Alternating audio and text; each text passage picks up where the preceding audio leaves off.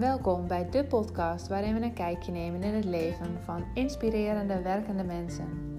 Hoe zorgen zij ervoor dat hun werk echt bij hen past? Mijn naam is Bianca Hessen. Bedrijfsmaatschappelijk werk is mijn vak. Door mijn ervaring van de afgelopen jaren weet ik alles van stress, werk en organisaties. Ik weet hoe belangrijk het is om leuk werk en een fijne werkplek te hebben. Deze podcast is er om jou te inspireren het mooiste uit je werkdag te halen. Want ik gun jou en iedere professional een leuke dag op het werk, waardoor je ook fijn thuis komt. Dat is niet voor iedereen vanzelfsprekend, maar wel mogelijk.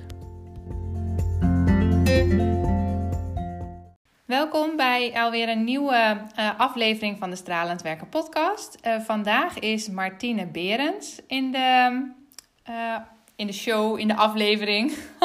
Welkom Martine. Dankjewel Bianca. Ja. Um, en uh, Martine is werkgeluk-expert uh, en richt zich op de advocatuur. En nou vond ik het wel heel leuk. jij stuurde mij een berichtje en toen dacht ik direct advocatuur. Het had niet. Um, ik, ik had zomaar advocaat kunnen zijn geworden. en toen dacht ik, hé, hey, daar heb ik wel affiniteit. Uh, ik was klaar met uh, uh, opleiding maatschappelijk werk en dienstverlening. En toen dacht ik, ik ga nog iets met recht. Want er gebeurt zoveel onrecht. En dit vond ik niet goed. En dat vond ik niet goed. En dit vond ik stom. En dat vond ik stom. Um, en toen dacht ik, ik ga daarvoor vechten. Ik had een soort vechtlust in mij. Totdat een vriendin tegen mij zei, die zei, Bianca... Denk jij nou serieus dat jij nog weer vier jaar studie gaat doen? Jij hebt school nog nooit leuk gevonden. Wat doe je jezelf aan? En toen dacht ik, oh ja, ja, je hebt gelijk. Laat ik dat misschien dan toch niet gaan doen. En um, nou, toen ben ik het werk gaan doen wat ik nu doe eigenlijk. En ik heb geen spijt gehad, maar ik geloof ook niet dat ik mezelf nog zou gaan zien switchen. Um, maar dat is uh, even dat ik dacht, oh, leuk om, uh, om kennis ook met jou te maken. En ook in de podcast. En te zien um, hoe het er in die wereld uitziet. Want het is een wereld op zich. Ja. Zoals elke wereld, hè? Ja. ja. Ja, zoals elke wereld. Maar dit is er dan eentje die ik niet vaak tegenkom, zeg maar. En uh, zo heeft ieder dat ja, weer voor zich. Als je maar niet te veel met de advocatuur in aanraking komt, dan uh, is het beter, zeg ik altijd. Hè? Ja, ja, het is wel, mijn vader is jurist. Uh, fiscaal jurist. Dus in die zin. Oh, ook. Ja, oh, kijk. ja, dus uh, daar is dan wel weer herkenning. Maar ik heb net van jou geleerd in onze kennismaking dat een jurist geen advocaat is. Een advocaat wel altijd jurist. Ja. ja. Maar goed. Uh, ik zou zeggen, stel jezelf even voor. Wie ben je? Wat doe je? Ja, leuk. Ja. Leuk om uh, hier op Blue Monday. Dus een, ik heb speciaal, dacht ik doe een beetje een vrolijk truitje aan. Dat uh, zien de podcastluisteraars niet. Maar ik heb een leuk geel uh, truitje aan op deze Blue Monday. Ja. Um, ik ben Martine en ik ben 49 jaar. Ik woon in Amsterdam. En ik ben ook moeder van twee pubermeiden. En uh, verder uh, uh, ben ik vrouw, ik ben vrolijk, ik ben positief. En voor mijn werk ben ik werkgeluk-expert.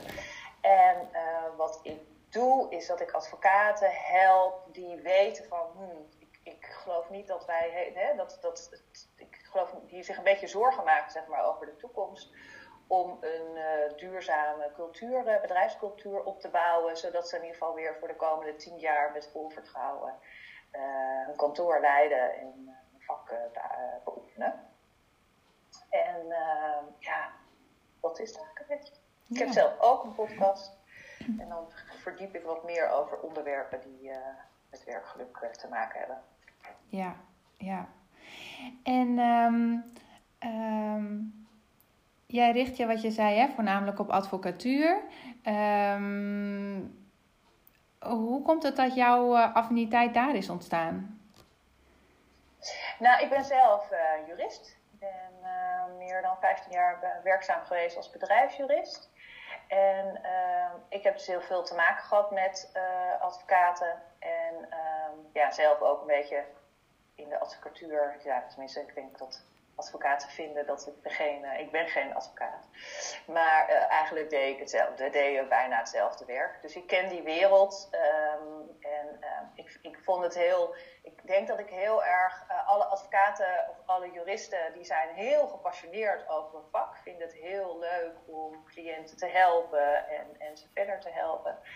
En, uh, maar tegelijkertijd liep ik ook wel een beetje vast op, uh, op een aantal dingen die wel heel specifiek zijn daar. En, uh, dus ik, ben, ik heb een paar uitstapjes gemaakt. Ik heb een mediation opleiding gedaan. Ik dacht van, hè, soms heb je wel eens van, ik heb gewonnen. Maar dan denk je, ja, maar de andere kant heeft dan altijd verloren. En, en is er niet een oplossing waarin beide partijen elkaar een beetje meer kunnen, uh, kunnen vinden?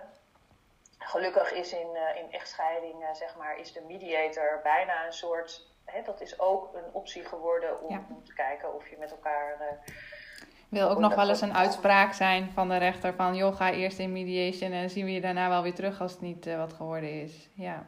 Ja, ik, had, ik wilde dan meer in het bedrijfsleven de mediator, hè, om die kant op te gaan. En dat, want nu zie je vaak dat als er een conflict is, dan, dan kan, je, uh, kan je het zelf proberen. Of je gaat naar een advocaat, of je gaat naar... En de, mediator is altijd eigenlijk nog een soort optie die wordt opgelegd door een rechter die dan zegt van goh, weet je, deze zaak leent zich eigenlijk best wel om eens uh, met elkaar te kijken met een mediator. En dan is het toch een soort, terwijl mediation eigenlijk heel erg op basis van vrijwilligheid uh, zou moeten zijn. Ja. En dan is de, die vrijwilligheid daarmee meteen een beetje uh, weg. Want als een van de partijen zegt ik heb geen zin in mediation, dan, dan weet je niet in hoeverre dat dan later weer mee wordt gewogen in de uitspraak. Dus vaak zeggen advocaten, nou doe dat nou maar. Ja. En, uh, dus, dat, dus dat is ook een beetje, dus dat vond ik jammer van dat mediation geval, dat dat niet zeg maar als een soort volwaardige uh, conflictoplossing uh, werd gezien. Ja. En ik ben ook HR-manager geworden, of in ieder geval het HR-gedeelte opgepakt binnen het bedrijf waar ik toen werkte. Dus dat vond ik eigenlijk ook heel leuk. Um, maar op een gegeven moment dacht ik wel van ja, weet je, dit is gewoon niet meer het vak. En ik vond ook wel dat het heel, uh, dat het vrij vanuit een negativiteit werd uh, gezien. Hè? Dus het is advocaten en juristen is natuurlijk altijd een contract bekijken en dan vooral kijken wat er gebeurt er als. Dus je, gaat allerlei beren op de weg zien. Of je gaat die beren er neerzetten en kijken hoe je daar dan uh, en het, het risico zoveel mogelijk kan beperken. Ja ogenblik vond ik dat wel een beetje. Ik vond het een. Het, het, trok zeg maar mijn energie weg. Ik vond het veel leuker om met veel positiever. Uh, met iets positievers bezig te zijn. En ik denk dat werkgeluk. Ik, doe, ik help ook mensen en bedrijven. Dus, maar wel veel meer vanuit een soort positieve uh, inslag. En met een positief onderwerp. En natuurlijk kom je daar ook wel uh, wat uh, strubbelingen tegen en wat problemen tegen. Maar het onderwerp blijft gewoon heel positief. En als het werkt. Alleen het woord al, hè? Werkgeluk. Ja. ja. ja.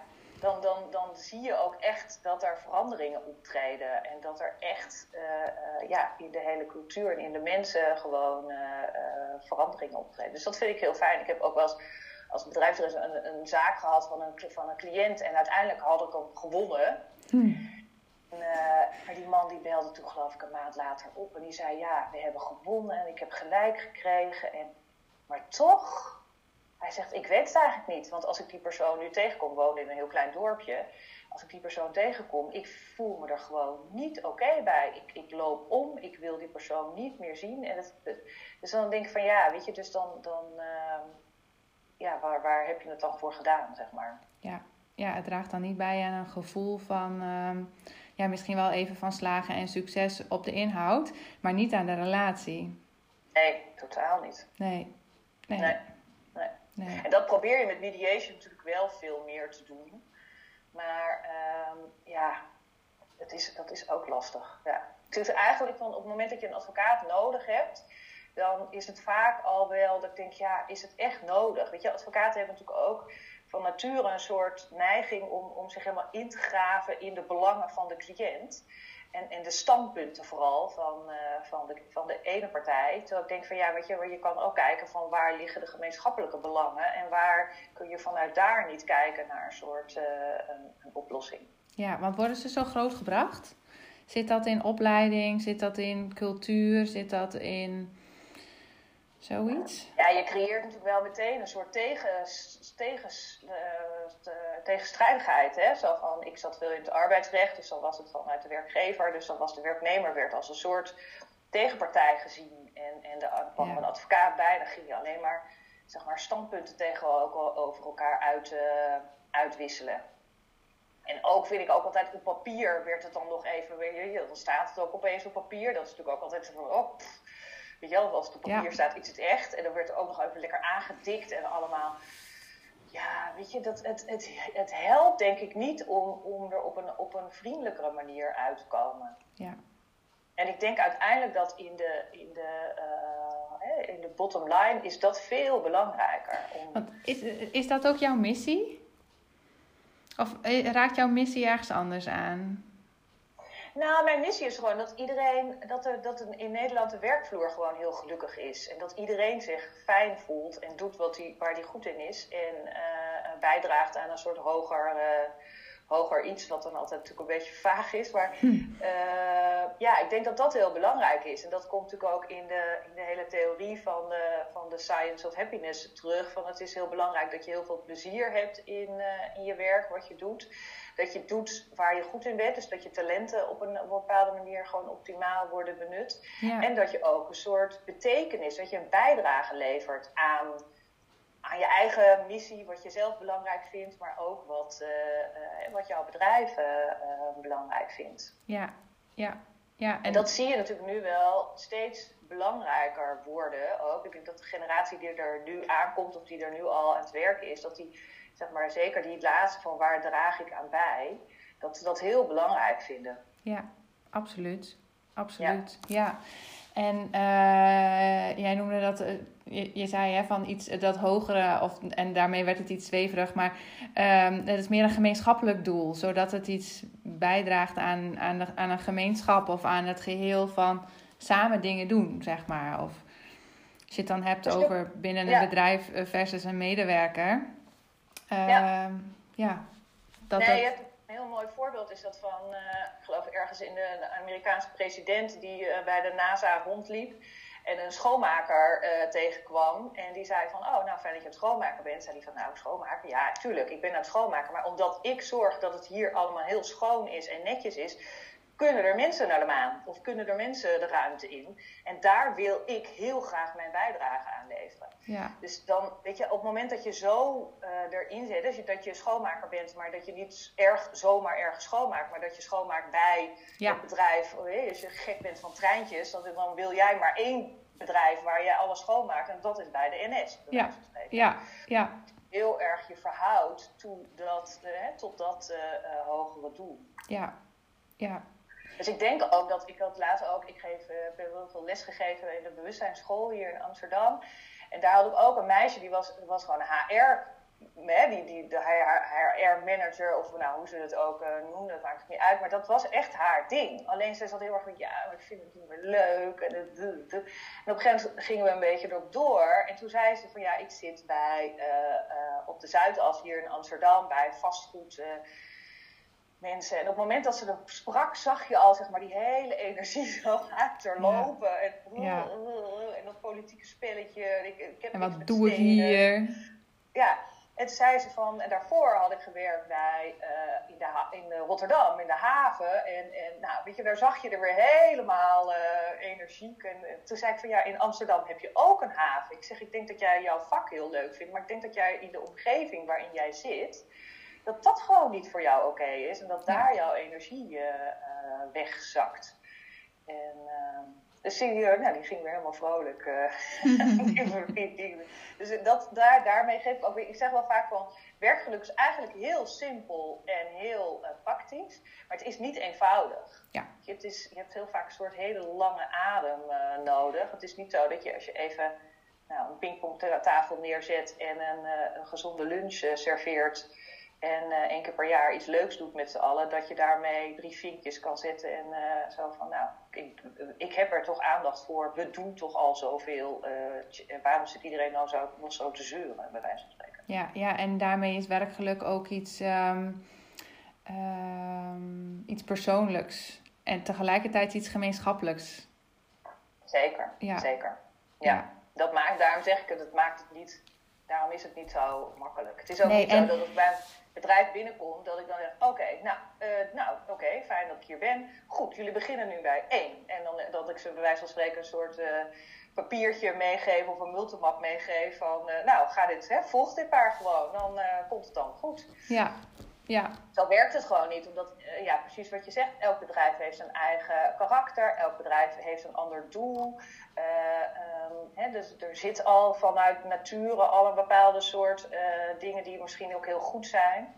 Ehm, en ehm, ja, dus daar zal je naar moeten gaan kijken. En het is ook altijd een beetje een soort, het is net hetzelfde als dat je popcorn gaat maken.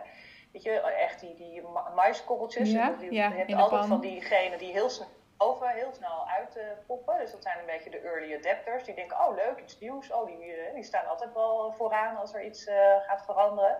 En dan heb je de grote middenmoot die altijd wel, eh, die komen wel. Die, dat zich allemaal wel. En je hebt ook een aantal die bij die wat later zijn. Als je denkt, oh nou we hebben allemaal eens klaar. Dan komen er toch nog een paar die denken van, oh interessant, eh, het heeft effect, ik eh, ga mee. ja. En er zijn natuurlijk ook altijd nog van die harde maiskorrels die op de bodem blijven liggen. En die, die komen niet. En die, die, die ook niet als je het vuur nog wat harder zet of die pan nog wat langer. Dat, die, en dat is ook oké. En uiteindelijk gooien we die ook nog weg. Ja, maar dat, ik, weet, ik Gaat geen aandacht bij meer naar uit. binnenkomt, daar gaan, eh, weet je, daar gaan, dat gaat veranderen. Sommige mensen denken van, nou ja, wat ga je nou doen? Daar heb ik helemaal geen zin in. Zijn jullie helemaal gek geworden? En die ben je, raak je kwijt. Of die, en dat, dat is oké, weet je. Dat is, eh, ehm, ja, dat hoort er een beetje bij. Ja, ja, ja.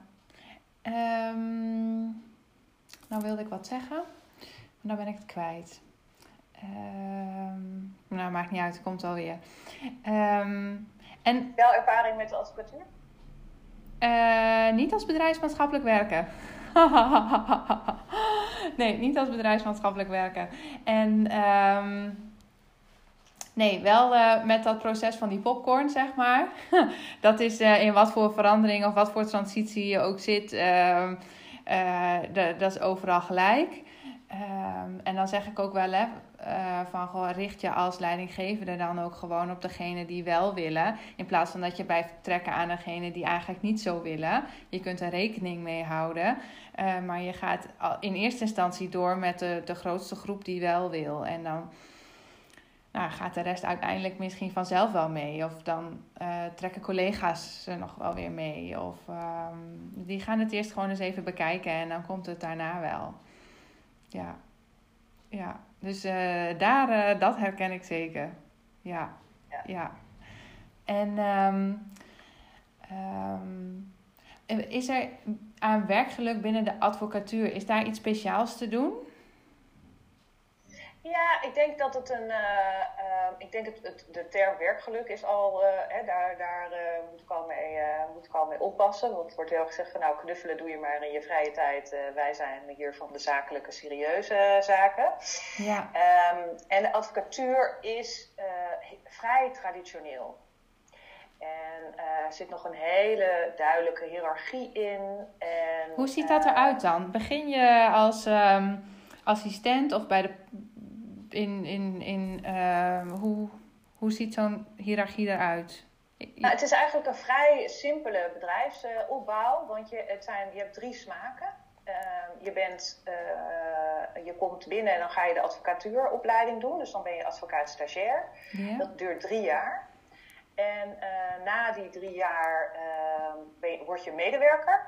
En ehm, als je zo, dat verschilt een beetje per kantoor, maar als je zo acht, zeven, acht, negen jaar werkervaring hebt, dan kan je opgaan voor het partnerschap. Lijkt een beetje op eh, notariaat of Ja. notariskantoor. Ja, notariskantoor is nog iets ingewikkelder, want dan word je natuurlijk aangesteld en dan wordt er heel erg gekeken. Je hebt een aantal notarissen binnen het arrondissement en dat, nou, dat is, je kan heel lang kandidaat notaris zijn. Eh, Ja, kan- ja dat kan eind, oneindig. Kan je, ja. ja.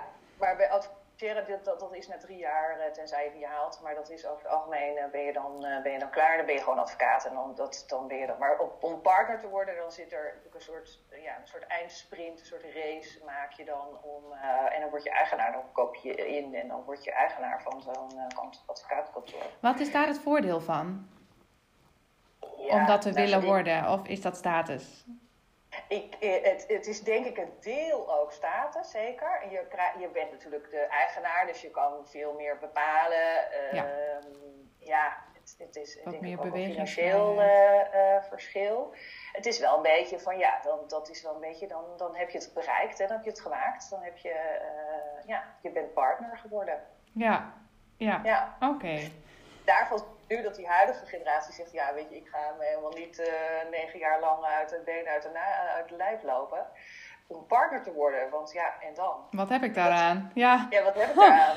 En, ja. Uh, en, uh, en dat, dat zie je ook wel een beetje in vergelijking met de uh, maatschappen die je hebt bij, in de medische wereld. Bij de, dat, daar zit ook een beetje zo'n soort kentering van, ja, zeg we zijn helemaal uh, niet. Dat, uh, waarom is dit systeem nog zo? Hè? Werkt dit systeem eigenlijk nog wel? Ja, en ik werkte voor Defensie en daar is het eigenlijk precies hetzelfde. Je doet bijna niet mee. Het part-time militair zijn, dat is gewoon... Uh, ja, dat kan bijna niet.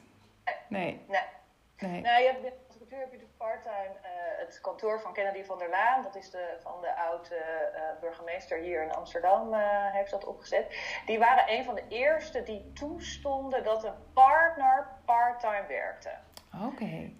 Is echt, uh, dat was revolutionair. Dat, en over welk jaar hebben we het dan?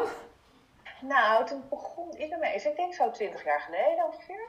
Misschien iets eerder. Maar dat was, ja, ja. Want ik heb ook wel bij een groot kantoor gewerkt en daar was het ook op een gegeven ogenblik: oké, nou dan gaat iemand parttime, uh, uh, mag die ook. Als je parttime werkt, kan je, kan je ook partner. Laten we die. Uh... Maar je ziet toevallig naast een oud collegaatje aan de telefoon en die, nou, twee kleine kindjes en die ging nu drie dagen werken en dat was allemaal prima en dat kon allemaal, want ze waren allemaal heel modern en ze gingen heel erg met de tijd mee. Mooi dat dat dan expliciet benoemd wordt, hè? Ja, dat kan bij ons, want wij zijn modern. Wij gaan met de tijd mee. ja, ik weet niet of dat zo expliciet benoemd maar het, was, het is wel een beetje zo van wij vinden hè, dat is oké. Wij vinden dat dat moet kunnen. Ja. Ja, ja, en daar zijn we heel, heel vooruitstrevend in dat dat kan bij ons. Maar vervolgens zag zij bij een hele goede klant van haar dat een, uh, uh, een, een opdracht die ging zij niet doen. Dus zij en toen moest ze dus een beetje in de wandelgang horen. Ja, nee, maar jij werkt nu drie dagen in de week. Dus dat is uh, voor de continuïteit en voor de klantbelang. En uh, nou, toen zei ze wel van, ja, weet je, dit ja, vind ik eigenlijk gewoon niet oké. Okay. Nee. Nee, nee, het betekent niet dat je dan er niet meer bent. Hè? Je kan nog steeds vijf dagen in je week je mail openen. Als je, ook al werk je drie dagen. Want dat kun je ook als uren anders verspreiden over een week. Ja. ja. ja ja, of je betrokkenheid hoeft er niet minder van te worden. Helemaal niet. Klopt. Ja. Nee. En um, um, als je het dan hebt over werkgeluk, ik koppel daar eigenlijk ook altijd wel iets van uh, duurzaamheid aan. Hè? Duurzaam inzetbaar zijn uh, in je taken, um, op je werk, maar ook duurzaam inzetbaar thuis, zeg maar. Niemand heeft iets aan een, aan een overspannen vader of moeder of... Uh, Um, nee, het heeft allemaal met elkaar te maken natuurlijk. Het loopt allemaal in elkaar over. Of ook als, um, uh, als je ouder wordt, of maar het is misschien ook los van leeftijd, dat je mantelzorger uh, nog weer wordt voor vaders, moeders, opa's, oma's. dus um, ergens heb je meer te doen dan alleen werk. En um, wat jij net eigenlijk al noemde, hè, van we zien uh, verschuivingen binnen generaties ook wel plaatsvinden. Maar maatschappelijk gezien wordt het ook wel weer van ons verwacht. Uh, ik bedoel, de WMO eh, is ook anders ingericht. met doe meer um, steun vragen aan je familie, aan je buren. In plaats van dat we je direct in een verzorgingshuis zetten als je iets niet meer zelf kan. Dus nou, dat verschuift mee. Dus werk en, en sociaal-maatschappelijke uh, bewegingen die um, veranderen. En merk je dan dat het in dat soort bedrijven uh, dat men het lastig vindt om daarin mee te gaan, of dat men het lastig vindt om uh, een visie op werk los te laten of te, bij te schaven, of hoe moet ik dat zien? Wat is, wat is dan een visie op werk of op hoe het hoort? Want we hebben allemaal een idee van hoe het hoort. Uh, maar overal is dat idee ook anders. Nou, ik denk dat over het algemeen wordt er wel... Weet je, een advocaat werkt gewoon heel hard. Uh, Waarom maakt trouwens? Heel veel, maakt heel veel uren. En uh, ik vraag me ook wel eens af of dat allemaal zo moet. En of het niet veel efficiënter kan. En uh, wat ik ook altijd heel grappig vind is binnen de advocatuur. Weet je, je, je begint allemaal niet uh, om half negen. Weet je, dan is echt een beetje... We zijn geen ambtenaar, dus de meeste beginnen zo om half tien, negen uur, half tien, druppelt het een beetje binnen. Weet je, dat is ook, ik, vind dat ook altijd, ik vond dat ook altijd ook een hele gekke, uh, ja, ik weet niet of dat nog steeds zo is, maar ik weet wel dat, dat als je heel vroeg begon, dan had je ook een beetje, zo, nou, een beetje een ambtenaarachtige, uh, want dan wil je zeker ook op tijd naar huis. Dus weet je, die grapjes oh, als je dan een keer om vijf uur naar huis ging van, zo heb je een vrije middag uh, opgenomen. Weet je, allemaal dat soort. Het, je moet ook allemaal heel hard werken en heel veel uren maken. Um, het is de vraag of dat natuurlijk zo efficiënt is, of dat daadwerkelijk ook allemaal nodig is. Ja, en veel uren maken, maar dus niet in de ochtend. nou ja, nee, nee, dan doe je misschien andere dingen. Of dan brengen ze hun kinderen naar school ja. uh, als, er, als die scholen open zijn. Maar dan. Uh, ja, over het algemeen beginnen ze vrij laat. En er zijn een paar advocaten die zeg maar vroeg beginnen. En denken van ja, weet je, tegen de tijd als ik om, uh, die begin om 7 uur en uh, om 11 uur heb ik gewoon, ja, heb ik het merendeel van mijn tijd heb ik heel goed besteed, of merendeel van de dag. En daar wordt ook altijd een beetje zo van, nou, nou, nou, weet je, aan, ja, weet je. Dus dat is, ook op dat soort vlakken is het allemaal nog vrij, zo, zo gaat dat, of zo werkt dat, of zo hoort dat, of zo. Weet je, een secretaresse moet natuurlijk wel altijd op tijd om half negen binnen zijn, want die moet de telefoon aannemen. En, uh, dus het is daar ook, ik denk ook dat thuiswerken, dat is ook, uh, ja, als je echt een keertje een, uh, een processtuk moest maken, een advies maken, dan kon je dat best wel even van huis doen. Maar het wordt over het algemeen was je gewoon op kantoor. Dat was, het is, het is, ik denk, ik weet niet nu in coronatijd hoe dat, dat, dat is het natuurlijk nu opeens allemaal anders. Ja. Moeten ze wel. En, um... Het is ook wel weer leuk om die opschudding uh, te zien gebeuren en, en hoe ja, daarmee omgegaan wordt. Over het algemeen is natuurlijk de advocatuur echt perfecte uh, uh, functie om thuis te doen. Dan hoef je helemaal niet op kantoor te zitten. Of, ja, en tegenwoordig heb je natuurlijk, vroeger had je natuurlijk alle wetboeken en alle jurisprudentie zat nog allemaal in mooie uh, dikke uh, boeken. Dus dat, maar dat heb je nu ook allemaal niet meer. Alles is online, alles kan je online vinden. Dus, uh, ja, je laptop is genoeg. Laptop is genoeg, ja. Maar, en, en wat maakt dat hard werken, dat hard werken zo hoort? Ja, het is uiteindelijk natuurlijk op... Ge, je moet uren maken. Hè? Je moet elke zes minuten die je per in je dag moet je verantwoorden. Daar moet je een soort code aangeven van het kan naar de cliënt of ik was even dus je, de, je bent heel erg gefocust op, uh, op het maken van declarabele uren, zoals dat heet. Ja. En je hebt gewoon een norm. Je moet gewoon minimaal zes uur per dag, uh, moet jouw tijd te factureren zijn aan de klant. En dat is natuurlijk best wel een hoog, hoog aantal. Ja. Dus dan moet je veel, ja, en, en, want je hebt ook tijd nodig om je in te lezen, om met een collega even een kletsje te maken, om te lunchen, om even weer je vakliteratuur. Er zijn natuurlijk heel veel uitspraken en werkbesprekingen. En er komt heel veel daarbij ook kijken om je vak, zeg maar, om je zeg maar up-to-date te houden en om je vakkennis uh, goed te houden. En je geeft een, als je een partner bent, dan geef je ook lezingen of je geeft opleidingen. Of weet je, je, je en dat vind je ook leuk, hè? Dat is, denk ergens dat in de basis zijn advocaten heel gepassioneerd over hun vak. Ja, en gelukkig maar ook, anders hield je het niet vol. Nee, anders hou je het niet vol. En dat nee. is wel. Uh, dus dat is eigenlijk altijd een heel mooi gegeven, een mooie basis om vanuit daar dan te kijken van uh, um, hoe kan je dit toch gezond houden. Want je ziet ook best wel veel. Uh, burn-out gevallen. Je ziet best wel de, de, hoge werkstress. Weet je, het wordt eigenlijk bijna een beetje als normaal uh, ervaren. Uh, Want hoe zou jij vinden dat je het gezond houdt? Wat, zijn, uh, wat, wat is volgens jou een gouden sleutel? Om hard werken of, of... Nou kijk, ik denk dat als je denkt hard werken word je, daar wordt volgens mij niemand ziek van. Um, en als je zeker niet je leuk vindt.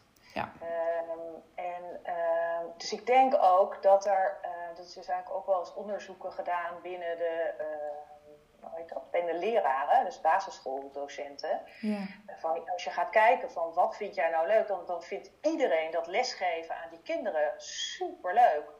Maar als je dan ook gaat uitpluizen waar jouw dag uit bestaat, dan is dat heel veel dingen die eigenlijk helemaal niks met het lesgeven te maken hebben. En ik denk dat dat bij advocaten ook zo gaat, dat, er, dat, dat je heel veel dingen eromheen zijn. Bijvoorbeeld als je advocaat als je partner wordt, dan ben je dus opeens ook ondernemer. Hè? Dan moet je ook allerlei ondernemersbeslissingen nemen en over het kantoor en inkopen. En, en je hebt ook opeens zo van, nou ja, jij bent heel goed met, uh, ik chargeer natuurlijk allemaal een beetje, maar jij bent over het algemeen goed met je personeel. Dus jij doet nu het HR-gedeelte, wordt nu jouw verantwoordelijkheid. Of jij bent handig met computers, dus jij wordt voor de ICT en de inkoop. Dus ook dat soort taken worden dan een beetje verdeeld onder de partners. En opeens ben jij dan, uh, moet jij daar wat mee. Terwijl je misschien daar helemaal niet goed in bent. Of je denkt van ja, ik ben er wel heel goed in. Ik ga er dus heel veel tijd aan besteden. Omdat ik dat belangrijk vind. Maar dat gaat dus altijd weer ten koste van. Dus je bent een soort spagaat. En ik denk dat als je veel meer gaat kijken naar wat vind jij nou echt heel erg leuk. En waar ben jij heel erg goed in. Uh, en dat je dat van iedereen vraagt. Dus dat je een beetje een soort uh, jobcrafting, zoals dat modern nu heet, gaat kijken. Van wat vind je leuk, waar ben je goed in. En soms kom je misschien achter dat een collega van jou heel goed is in dit soort dingen. En dat je denkt van ja, maar waarom is dat dan, waarom valt dat op mijn uh, bordje? Waarom doe ik dat terwijl jij dat leuk vindt en er goed in bent? Ja. ja. Je, dat je veel meer gaat kijken van ik doe eigenlijk dat je zoveel. Kijk, je kan nooit zo zijn dat je 100% doet uh, wat je leuk vindt. Nee, er hoort altijd iets bij waarvan je denkt, oké, even een uurtje. ja, ja. Mijn administratie en mijn dingen denk ik ook elke keer, oh ja, oh ja. Nou. Ja. Maar goed, op het moment dat je, heel, dat je 80% van de dag je gewoon bezig bent met dingen die je en leuk vindt en goed in kan, dan is dat uurtje administratie, weet je, dat, dat is opeens niet meer een soort berg. Oh, je valt eventjes weg. Dus, ik denk dat je daar veel meer ook naar kan kijken binnen, uh, um, binnen het kantoor en binnen. En ook stel dat bijvoorbeeld een, een, medewerker heel goed is in dit, ja, weet je, of dat hij een kei is in het binnenhalen. Want je moet als partner natuurlijk ook ben je ook verantwoordelijk dat je zoveel klanten binnenhaalt, dat je het werk binnenhaalt. Ja. Uh, dus er zitten best wel veel, uh, weet je, je moet best wel veel van die schoteltjes in de lucht houden.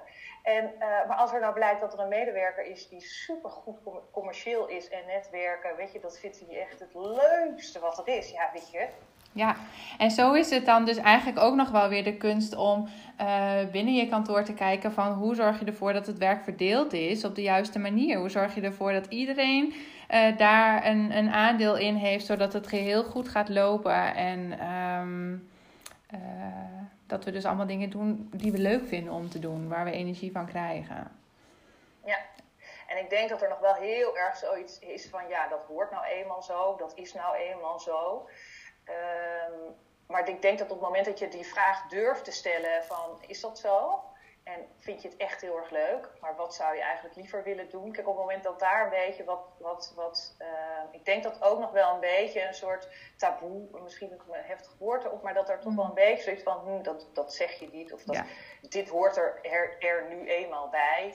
Um, dus ja, dat gaat dan zo. Terwijl als je denkt van, goh, als je het iets anders gaat organiseren, dan hoort het er nog steeds bij. Alleen is het niet meer van jou. En wat vind jij dat er dan het meest uh, te veranderen staat? Of waar, zit, uh, waar, waar kunnen advocaatkantoren de meeste winst behalen? Op kader, in het kader van werkgeluk dan, hè? Ja, dat, uh, het, feit dat je, dat je, je, je, ze weten ergens onder, onderbewust, weet iedereen van, we moeten hier wel mee. En misschien dat wij het wel de komende vijf jaar halen we dit allemaal, dit model blijft allemaal nog goed en dit houden we nog wel vol. En de generatie die na ons komt, nou ja, weet je, uh, dat uh, zoek ik maar uit. Maar als je een beetje dus denkt van, hmm, ik wil ook dat mijn kantoor nog over 10 jaar, 15 jaar nog steeds zo uh, is, dan zou, je dat, dan zou je toch eens in de spiegel moeten gaan kijken en denken van, ja, wat, wat doen we nu? En uh, hoe kan het misschien wel eens anders? Ja, want is er veel concurrentie ook bijvoorbeeld? Want als ik kijk naar hier in het dorp, dan zit er in de winkelstraat zit een advocatenkantoor. En als ik daar dan langs loop, mijn zoontje is bijna vier. En uh, die zegt dan, mam, wat zit hier? en dan zeg ik, als je ruzie hebt, dan kan je hier, je, dan kan je hier een oplossing komen halen. en, um, uh, maar dan merk je ook dat als zij zeg maar soort van de enige zijn die hier zitten, voor zover ik dan bijvoorbeeld ook weet, dan is dat al gauw waar je naartoe gaat, omdat dat vanzelfsprekend is of zo. Ehm, maar dat is dus niet per se. Er is best wel um, nou, concurrentie, om het maar zo te zeggen. Of specialisme lijken me ook er te zijn. Ja, zeker, zeker. Er is best wel wat concurrentie. Je, hebt natuurlijk niet, je hoeft niet meer altijd naar een advocaat. Je hebt natuurlijk ook veel juridische kantoren.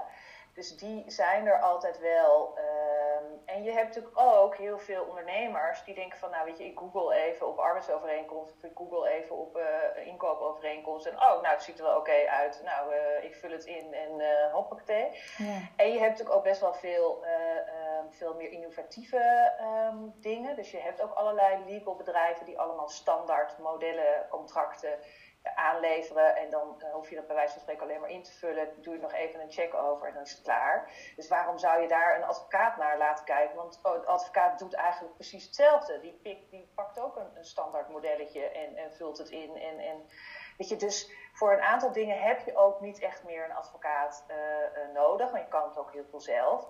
En uh, waarom zou je, je hebt ook heel veel bedrijven die steeds meer pakketten gaan afleveren, aanleveren. Dus ben jij een startende ondernemer, dan heb je algemene voorwaarden nodig. Je hebt een, uh, een samenwerkingsovereenkomst nodig. Je hebt ja, en daar kunnen ze natuurlijk fa fantastisch marketing op doen. En dan staan zij ineens bovenaan de lijst in Google en dan is dat de concurrentie. Ja. ja, en dan betaal je gewoon x bedrag. Heb je ook niet te maken met, met, met uh, uren. Uh, ja. van hoeveel uur ben je dan ermee kwijt? Ze kunnen nooit zeggen, ik ben er drie uur mee bezig, want het wordt altijd meer. Of het is altijd, weet je, er komen nog een keer advocatenkosten bij. Dus, dat, dus het, het, maakt het makkelijker voor startende ondernemers om gewoon zo'n starterspakket af te kopen, bij wijze van spreken. Ja. En dat, daar zie je natuurlijk veel meer ja, daar zie je veel meer dat soort initiatieven komen natuurlijk allemaal. En uh, ja, dus dat, dus daarin moet de advocatuur wel echt kijken van waar ben jij dan een meerwaarde? Waar, wat? En, en ik denk ook dat klanten steeds uh, kritischer zijn en willen steeds meer uh, echt uh, ja, gespecialiseerd. Toen ik begon was zeg maar, de bedrijfsjurist was nog een beetje een doorgeefluik. Dus je zat wel als enige bedrijfsjurist bij een groot bedrijf. En dan was je een beetje een soort van, oké, vanuit de business komt er een probleem. En dan kwam dan op jouw bordje. En dan ging jij eigenlijk kijken wat het is. En je ging eigenlijk de beste daarbij zoeken. Dus je was echt een soort doorgeefluik. En dan kwam die advocaat weer terug. En dan vertaalde jij het even naar de business. En, maar tegenwoordig zie je natuurlijk ook dat bij alle grote bedrijven zitten, zit niet meer één bedrijfsjurist. Maar er zitten hele afdelingen. En die hebben super interessant werk. Die zijn meestal specialistischer dan de gespecialiseerde advocaat. en um, ja, weet je, dat is een super interessante functie geworden. Dus en, en uh, die hebben ook, die hebben ook hè, een leuke salarissen, maar die hebben betere werktijden en hebben niet die omzet, hè, die, die omzetdruk. Ja, druk. Dus ik denk dat dat voor de advocatuur ook echt wel een interessante uh, alternatief is. Als jij af, hè, normaal als je afstudeert, dan ging je, werd je advocaat. Dat is eigenlijk veel veel. Maar dan moet je dus ook nog concurreren op de arbeidsmarkt. naar hoe hou ik mijn kantoor gevuld met personeel? Um, ja. Ja, zeker. Ja. Ja. En dat is zeker voor dat middenkader. Hè? Dus zeg maar, de, de, als je advocaat stagiaire dus af bent en dan word je medewerker. En dan, ja, weet je, dat, dat, blijft het hard werken en uh, er wordt steeds meer van je gevraagd. En, en uh, ja, dan kan je ook, er zijn heel veel mensen die dan overstappen naar het bedrijfsleven. Of met z'n tweeën of met z'n drieën een, een eigen kantoortje beginnen. Um, en, en dus het is heel lastig voor wat grotere kantoren of middengrote kantoren om dat middenkader vast te houden. Want ja, wat, hoe maak je het aantrekkelijk voor ze? Dus ook daar zou je weer moeten gaan kijken van wat zijn hun talenten uh, en hoe zou je dat veel beter kunnen inzetten, zodat ja. zij gewoon. En hoe laat je ze vrij? Vrijheid is denk ik uh, een van de meest belangrijke sleutels. Zeker, ja. zeker. Ja, en want dat willen we allemaal. Vrijheid. Ja, toch? Ja. Voor mij, dat is eigenlijk een beetje, hè, je wil, uh, ja, je hebt nu ook een paar bedrijven uh, bij de ING, die hebben ze ook zo'n pilot. En bij de dingen daar hebben ze de vakantiedagen zeg maar vrijgegeven. Hè? Ja. Dus ze hebben niet meer van je hebt maar maximaal zoveel uh, vakantiedagen.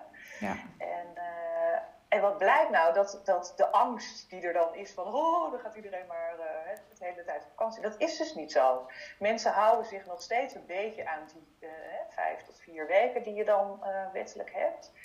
Maar het, het feit dat jij gewoon dat zelf kan inrichten. Dat, dat je als jij een keer een jaar hebt waarin je bijvoorbeeld inderdaad die mantelzorg hebt moeten doen. Of uh, toch even die extra vakantie wilde hebben. Of even, weet ik wat, dat, dat, de, dat de, de, optie dat dat mogen.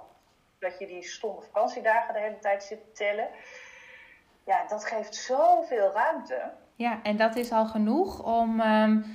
Um, daar geef je mensen ook zelf verantwoordelijkheid mee. En de een neemt inderdaad iets meer verlof. En krijgt dus ook minder salaris. Want zo uh, werkt het tenminste als je moet inklokken met uren. Uh, en die kiest daar dan voor. Of uh, de ander die, die heeft uh, amper verlof genomen en die functioneert nog steeds goed. Dus het heft elkaar dan wel weer op.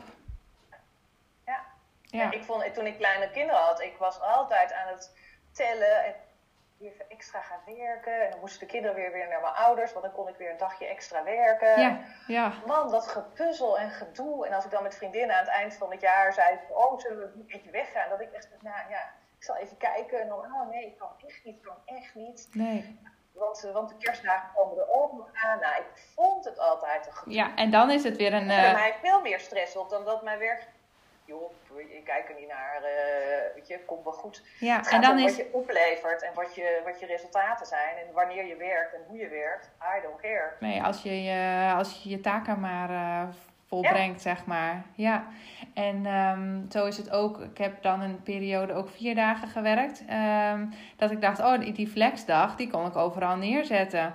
Uh, of ik kon ik in mijn eigen agenda rekening mee houden. Of die nou op woensdag stond of op zaterdag. Nee, zaterdag was altijd een weekenddag. Maar of die nou op maandag of op woensdag stond, dat maakt niet uit. Want ja, nou, dat geeft dan ook al zoveel flexibiliteit. Um, nou, als je daar vrijgelaten in wordt ook. Ja. Ja. Ja. ja. Nee, dus ik denk dat dat wel een soort voordeel is van deze uh, coronaperiode. Dat mensen veel meer de vrijheid hebben gekregen. En het is ook wel grappig om te zien of mensen die vrijheid dan ook nemen. Hè? Of ze die dan ook en ik weet, ik, ik was hiervoor, vorig jaar had ik nog een parttime baan. En daar uh, uh, was het dus ook een beetje van, ja, we werken dus nu van allemaal hè, thuis. Ja. En dan kregen we nog steeds allemaal appjes van mensen van, oh, ik ben nu even een wandelingetje aan het maken en dan dacht ik echt van ja, waarom meld je dat? I don't care. Ja, weet je wel, maar die, zijn, die waren nog zo in dat afgebakende van ik zit elke dag van 9 tot half 6 op kantoor. Ja, en als ik nu niet reageer op een e-mail, dan denken ze, ze is er niet. En ze, ja, of ze, ja. je ze verzaakt. Op, en dan, dan loop ik buiten. Dan, oh jee, oh jee, oh jee. Ja. En ik dacht van, oh ja, dat is ook interessant. Hè? Dus op het moment dat dat dan wegvalt, ja. dan gaan mensen dus, die blijven nog steeds op die manier reageren. Ja. ik denk, ja, weet je, uh, ja, als je, je hebt nu ook, als ik op mijn werk zit en de telefoon gaat en ik denk, ja, ik heb even geen tijd nu, dan neem ik hem niet op. Dat is natuurlijk net zo als dat ik dan eventueel zou buiten lopen uh, en denken, oh, oh, oh. Of je neemt wel op, zeg, joh, ik ben even buiten. Nou, ik vind het niet erg, maar uh, ja. ja. Dat is, het is grappig hoe als je dan die vrij, meer vrijheid krijgt, hoe je je daar dan weer opnieuw toe verhoudt. Ja, ja. En als ik dan hier in huis kijk ook, mijn man die werkt nu al sinds maart uh, thuis. Die is heel niet meer op kantoor geweest. dus, um, maar dan merk je ook, je houdt toch wel een beetje vast aan je oude ritme, want dat werkt gewoon. Uh, en nu dat er geen kinderopvang uh, is en scholen zijn dicht uh, nou, dan, dan wisselen we elkaar wat af. En dan sprokkel je een uurtje weer uit de avond. Of je sprokkelt uh, een uurtje uit het weekend. Tenminste, voor hem is dat dan belangrijk dat hij zijn uren wel blijft maken. Uh, en dan, um, ja, dan, dan loopt dat ook wel weer los. Ja, en dan is er ook niemand die zegt op dinsdagochtend van... Hé, hey, waar was jij? Ja. Nee, nee. Nee, ze zeggen ook niet op zaterdag of op zondag... Goh, was je aan het werk? Nee, dat is ja. gewoon normaal geworden. Ja, ja. Wat dan ook wel weer een soort valkuil is in deze tijd. Dat je dus altijd maar aan het werk bent. Of altijd maar... Uh, dat het niet meer stilstaat. om een soort om blokken te maken inderdaad. Van, uh, dan ben ik wel aan het werk en dan aan het werk. Ja, ja. Nou ja, zo uh, gaan computers bij ons echt dicht. En nou ja... Ja, dan moet er net iets op je telefoon binnenkomen. Want die zit wel aan ons vastgeplakt. ja. Ja, wat merk jij voor jezelf ook dat het anders is thuiswerken? Ja, ik sowieso. Ik heb twee pubers thuis hier, dus die zitten online lessen. En uh, dus dat schema loopt een beetje. Uh, maar gelukkig hebben we allemaal wel een eigen kamer. Dus dat, daar heb je niet heel veel last van. Maar je, je, merkt af en toe wel dat je even denkt van, ah, nu even niet. En ik heb, ik, ik heb mijn werkdag een beetje meer verschoven naar de ochtend. Want ik sta nu vroeg op en dan pak ik even de uren uh, dat het hier rustig is, uh, zeg maar, in huis. En dan zo vanaf nu, dan zo tussen, tussen 1 en 3 is het hier altijd heel rumoerig in huis. Want dan beginnen ze allemaal tosti's te maken en ja. net voordat ze weer huiswerk maken. En dan vanaf nu of drie, vanaf vier tot, tot het etenstijd is het ook altijd weer even rustig. En s'avonds uh, probeert iedereen ook een beetje zijn ding weer te doen. Ja. Dus ik ben een beetje meer naar de ochtend geschoven om daar even de concentratieuurtjes te pakken. Dus dat is ook een kwestie van, je, je agenda op die manier in gaan delen. Ja. En uh, ja, daar een beetje rekening mee, uh, mee houden. Ja. En ook wel leuke dingen blijven doen. Dat je af en toe, zeker nu hier, dan af kunnen we echt zo. Ja, ja, ja, ja. Hoor je ze weer de trap opstampen? ja. ja, en ik sprak laatst een collega die heeft ook uh, kinderen van jouw leeftijd, kinderen. En um, die zei, en ze blijven maar pakketjes bestellen. En wie moet er naar de deur? Ik. ik ben ook aan het werk. Ja, dat. Ja, ja nee, en continu van, er is geen eten, er is geen doen. En uh, dan denk ik, oh man, man, hou eens op. Weet je, jullie kunnen ook wat doen. Of jullie kunnen ook koken, of jullie kunnen ook... Uh, ja, ja, ja. ja. We hebben, op vrijdagmiddag hebben we een soort, uh, dacht ik, ga een soort vrijdagmiddagborrel instellen. Dus dan we, gaan we lekker met lekkere hapjes en een drankje. En gaan we even nog maar de schoolweek afsluiten. En voor mij de werkweek. En dan gaan we even het weekend in. Want al die dagen betekenen natuurlijk ook allemaal uh, beginnen een beetje op elkaar te lijken. Ja, maar dat zijn alleen al kleine dingetjes die je dus vanuit jezelf kunt doen om uh, te werken aan dat stukje werkgeluk. En um, dat kunnen we ook allemaal gaan voorleven. Uh, aan onze kinderen of aan onze collega's. Of uh, uh, je experimenteert wat met dit en je experimenteert wat met dat. Dat kun je meenemen in je coaching of in je advies. en je hoort het verhaal hier en daar. En, ja. Ja, ja, zeker. Ja. ja. Het is toch een beetje, ja, proberen en een beetje. Ja. ik merk ook wel nu dat je een beetje zo van, oh, ik mis, ik mis gewoon andere mensen. Ik mis gewoon volwassenen waar je even uh, een gesprek mee hebt. Dus dan denk ik ook van, oh ja, ik ga echt heel bewust, ga ik dat even opzoeken. En uh, ja, met een vriendinnetje die zit in Maastricht. Nou, we hebben een tijd, al een, paar, hè, een tijd elkaar niet meer live gezien. Maar ik denk, ja, we kunnen elkaar wel gewoon bellen. We, ja. we wandelen allebei. Ja. Doen we het allebei. En Richt en ik in Amsterdam. Voelt toch een soort van heel dichtbij. En uh, ja, dat is wel leuk. Dan heb je weer even... Zo moet je dat een beetje gaan gaan regelen. En zo is werkgeluk eigenlijk ook. Ik denk dat zijn hele. Vaak doen bedrijven al best wel veel. Uh, alleen is er nooit een soort overkoepelende paraplu waarom, hè, waarom ze het doen. En soms is dat ook wel, ik denk je kan uh, een bedrijfsuitje gaan doen of nu online een pubquiz gaan doen. Ja. Maar het is ook altijd goed om dat nog even te framen, bij wijze van spreken, van waarom je dit doet. Of omdat je, hè, omdat je het leuk vindt met elkaar, dat je elkaar even van een andere kant wil zien, dat je even de samenwerking, de verbinding weer met elkaar wilt voelen. Of weet je, dus ik denk dat dat heel belangrijk is dat je dat steeds even uh, terugkoppelt om je dingen doet. Ja. En sommige dingen ook dus niet meer. Omdat dat niet meer past binnen uh, dat wat je als bedrijf wil uitstralen of wat bij jou past. Maar dat Ja. je zegt van nou, dat doe ik niet meer, maar ik wil gaan nu hierover, omdat dat veel meer past binnen onze missie of onze visie. Ja, ja. Leuk. Leuk, een inkijkje in de advocatuur en, uh, en werkgeluk eigenlijk. Ja. Ja, Ja. ja, en hoe dat aan elkaar bij kan dragen ook. Hè? Dus wat maakt dat... Uh, ik vond het wel leuk hoe je ook uitlegt dat het dat werkgeluk bijdraagt aan het hebben van een succesvol kantoor. Uh, of door aandacht voor werkgeluk bijdraagt aan een succesvol kantoor. Ja. Ja, Ja, zeker, zeker. Ja, er zijn een paar advocaatkantoren die echt al daar heel erg mee bezig zijn. En uh, het grappige is dat ik met een aantal uh, wat uh, beginnende advocaten spreek. En ik zei van ja, ik ben niet zo tevreden in mijn huis. En ik zeg van, oh, maar ken je dat en dat kantoor? Ja, ja, dat ken ik. Want ja, het is heel oh, geestig dat dat zo, dat dat al zo, ja, weet je, dat zinkt een beetje rond. ja, ja. Dus de, daar wil iedereen wel werken. Ja, ja, ja. Nee, oh. daar, uh, ja daar, nee, nee, ga ik niet eens solliciteren. Daar kom ik niet eens aan. Dan sluit ik aan achter in de rij. Nee, nee, nee. Ja, ja, ja. Maar dat is toch leuk. Dat, ja, dat wil ieder kantoor toch voor effect hebben.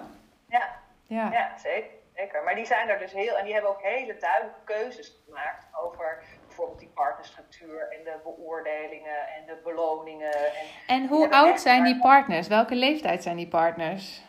die zijn wat jonger. De oude, de oude om het zo maar te zeggen. Ja, Maar die zijn denk ik zo tegen de 40, misschien 38, 35, 40. ja kijk, dat maakt verschil. Want dan zit je al dichter naar die, naar die, andere, of naar die nieuwere generatie. Die zijn nog niet zo lang afgestudeerd.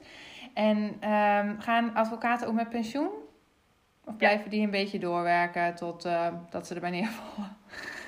Ja, nou meestal wel. Hè. Er zijn wel echt van die eh, oude knarretjes die, eh, die, die, die stoppen maar niet. Ik bedoel, ik heb met mijn eigen vader is ook fiscaal jurist. Nou, die loopt toch nog steeds op een kantoor rond. Ja, ja.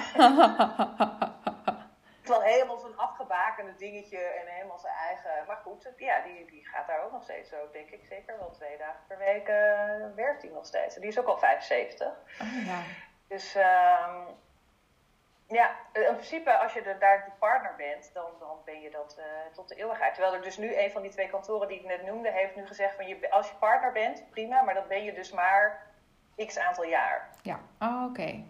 Dan ga je er weer uit en dan wordt het... eh, Ja, ik weet niet of ze al iemand hebben die dat, die, die, eh, die, die termijn heeft gehad en waar die dan nu is. Maar, eh, dus ik denk op zich dat het ook goed is dat je dat, dat, weet je, dat dat gewoon een soort. Dat je ook daarna weer gaat nadenken over hoe ga ik me dan wel, hoe ga ik mijn werkende leven dan eh, in, eh, inrichten. Ja, ja, het is een beetje, of het is enigszins vergelijkbaar met Albert Heijn. Eh, ik weet niet of ze het nog steeds hebben, maar die hebben dat heel lang gehad dat je moet wisselen van filiaal na eh, een x aantal eh, tijd. Eh, maar wat mag je daar vijf jaar werken en dan moet je naar een ander filiaal of drie of ehm, ja, ja en Ja, dat had je ook bij de, eh, bij de eh, ABN AMRO. Dat was nou vier jaar een soort job rotation. Moest je verplicht een andere functie eh, gaan doen. Ja, ja in de, binnen Defensie heb je dat ook. Dan moet je inderdaad, eh, dan moet je een andere functie, maar bij eh, Albert Heijn moet je een andere locatie. Ja. Andere winkel. Ja, ja, Nou, denk ik op wel weer van, als je, omdat het weer zo'n moeten is, is dat ook weer een soort. Het idee erachter vind ik wel heel goed. Maar ik Ja. weet niet of het dan, weet je, het moet niet een soort op, ding op zichzelf weer worden. ja. Nou, binnen Defensie hoort het echt bij je loopbaanplan. En ehm, ja, binnen Albert Heijn is het denk ik gewoon een beetje verandering van spijshouden. Eh, en is het niet voor alle functies van toepassing, maar voor bedrijfsleiders bijvoorbeeld wel. Maar heb je een franchisewinkel, dan is het weer niet. Nou ja, zo. dus dat heeft ook een hoop haken en ogen. Ja, Nee, maar ik vind het, het, het principe, zeg maar, dat je na vier jaar eens even gaat kijken van, god, zit je hier nog op je plek en zou je niet eens een andere kant of een andere afdeling of, een- weet je, dat vind ik heel goed. ja, En ehm, dat voorkomt natuurlijk ook van die eh, mensen die gewoon altijd die jaren ergens zitten.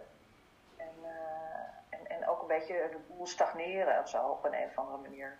Ik, denk ja, ik, ik had ook wel een beetje op het moment dat ik bij een ander, hè, als ik bij een bedrijf werkte en er kwam een nieuwe collega en die vroeg dan, dan ging ik, legde ik iets uit. Zo van, nou, dit doen we dan. Waarom doen jullie dat? Nou, dat doen we nou eenmaal Ja, zo. ja. Op het moment dat ik wat antwoord ging tegen, dacht ik, oh oh, dit is, nu Ja. moet ik oppassen. en dan ben je nog bewust van dat je dat antwoord geeft. Hè? Dat, dat scheelt ook nog wel weer de helft. Ja. Ja. ja, omdat we dat altijd zo gedaan hebben. Ja, Ja. Ja, Ja. maar is het niet handig? Ja, nee, hou maar op. Probeer het maar niet te veranderen. Heb ik ook al geprobeerd. Lukt niet. Ga niet. eh, de- de- ja, ja, ja. ja. ja. Ja, het is heel onhandig. Ja, snap ik, snap ik. ja, daar moet je even doorheen.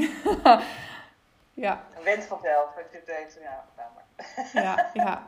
Ja, en zo kan dat ook van, eh, van generatie op generatie doorgaan. Ja, Ja, ja, funest is dat. eh, maar goed, ja. ja, ja. Leuk, dankjewel.